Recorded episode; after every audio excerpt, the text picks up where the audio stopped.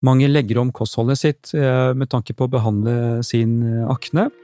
Her er det en del eh, fallgruver å tenke på. I dag skal vi snakke om dette.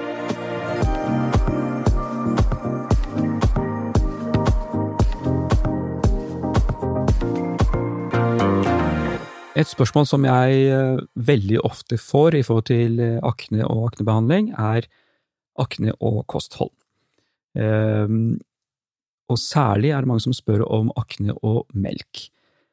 Ehm, det er slik i dag. I forhold til vitenskapen så er det mange gode studier som er publisert, som viser at eh, mat med høyt glykemisk innhold, vil si mat som gjør at blodsukkeret øker raskt i kroppen, det kan ha en forverrende effekt på akne.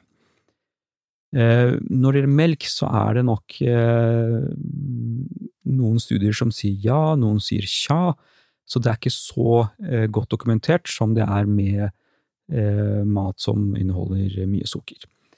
Det som mange jeg ser i dag, er jo at de leser om dette og kutter ut meieriprodukter for å se om deres akne blir bedre, og det er for så vidt helt greit. Eh, og det mange gjør, er at de går over fra vanlig melk til havremelk. Eh, og her tenkte jeg måtte da gi noen vitenskapelige eh, fakta om akkurat dette.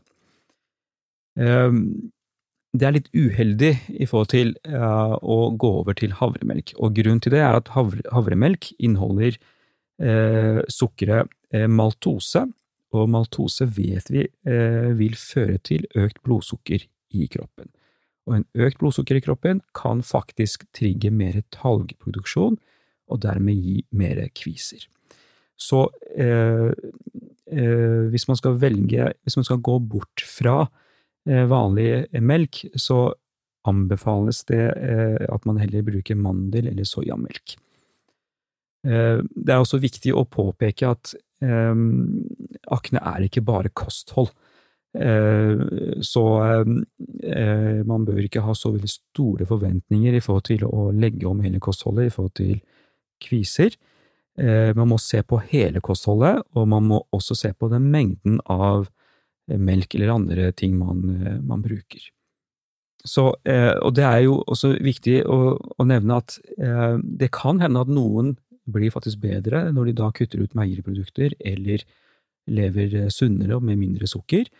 Men eh, man må nok være genetisk disponert for dette, for du kan hos enkelte så kan de jo spise hva som helst og uten å ha én eneste kvise i ansiktet, mens andre kan eh, i verste fall lukte på sjokolade og få kviser av det. Så det er mye mer komplisert enn som så, og eh, man må se på helheten av både kosthold og hudpleie, og ikke minst behandlingen for hudtilstand.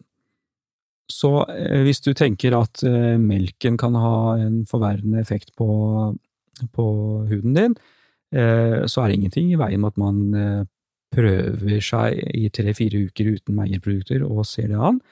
Så hvis man trenger et alternativ, så anbefales at man heller velger mandel- eller soyamelk i forhold til havremelk. Eh, og vær klar over at eh, det er ikke alle som responderer på en slik endring, og at man ikke trenger å bli skuffet hvis man ikke eh, merker noe bedring av dette. Håper dette var til nytte. Skulle du ha spørsmål, eller om du lurer på noe om noe som har med hud å gjøre, besøk gjerne Instagram-siden min at Dr.